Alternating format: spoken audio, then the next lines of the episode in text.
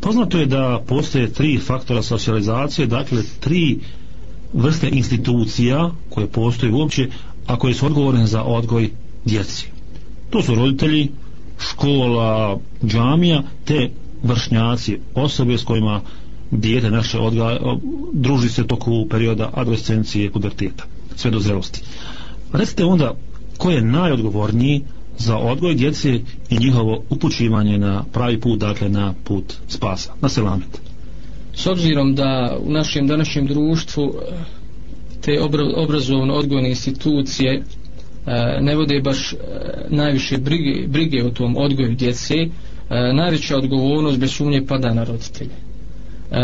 iako je posle rata iako je uvedena i vjeronauka e, u škole, iako postoji više slobode, iako postoji recimo ovaj, dosta vjerskog programa na, na medijima, ako po, iako postoji dosta islamske literature i časopisa, a, ipak a, e, to nije dovoljno da bi jedna porodica, roditelji mogli u potpunosti prepu, prepustiti odgoj svoje djece društvu ili društvenim institucijama. Znači, najveći, najveća odgovornost spada na roditelje, a, e, koji mor, moraju imati stalni nadzor svoje djece e, ne samo u kući nego i van, van kuće ovaj, da znaju s kim im se djeca druže gdje provode svoje vrijeme kako provode svoje vrijeme jer samo na takav način će moći ovaj, odoljeti svim tim najezdama e, koje žele da pokvari isla, ovaj, koje žele da pokvari ponašanje naše djeci da li to znači da želite reći da roditelji ne smiju prepustiti odgoj svoje djece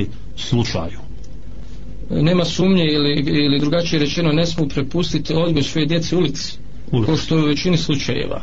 Jer e, ono što je... A to je onda vezano za onaj odnos naš odnos prema odgoju djece. Naš odnos prema odgoju naše djece. Čija su to djeca i koja je naša uloga? Mnogi ne shvataju šta je uloga njih kao roditelja. Da li samo da dobiju djecu i da ih prepuste ili nešto mnogo više svakako, značajnije svakako, o čemu Allah govori svakako e, mi kao roditelj ja sam roditelj imamo ovaj, veliku ulogu u odgoju novih generacija za uh, jedan opći za jedan, jedno opće dobro uh, ovome društvu ne mislimo samo na vjerski odgoj nego islam kao jedan uh, sistem on nudi uh, jedan sveobuhvatan odgoj tu se znači ne misli samo na vjerski i moralni odgoj nego se tu misli i na jedan intelektualni na jedan društveni odgoj na jedan psihički pa čak i seksualni odgoj jer sve te segmente islam obrađuje detaljno nudi nama kao muslimanima pripadnicima vjere islama nudi kako da odgojimo dijete sa svih tih aspekata roditelji su dakle glavni faktor socijalizacije glavni faktor u odgoju djece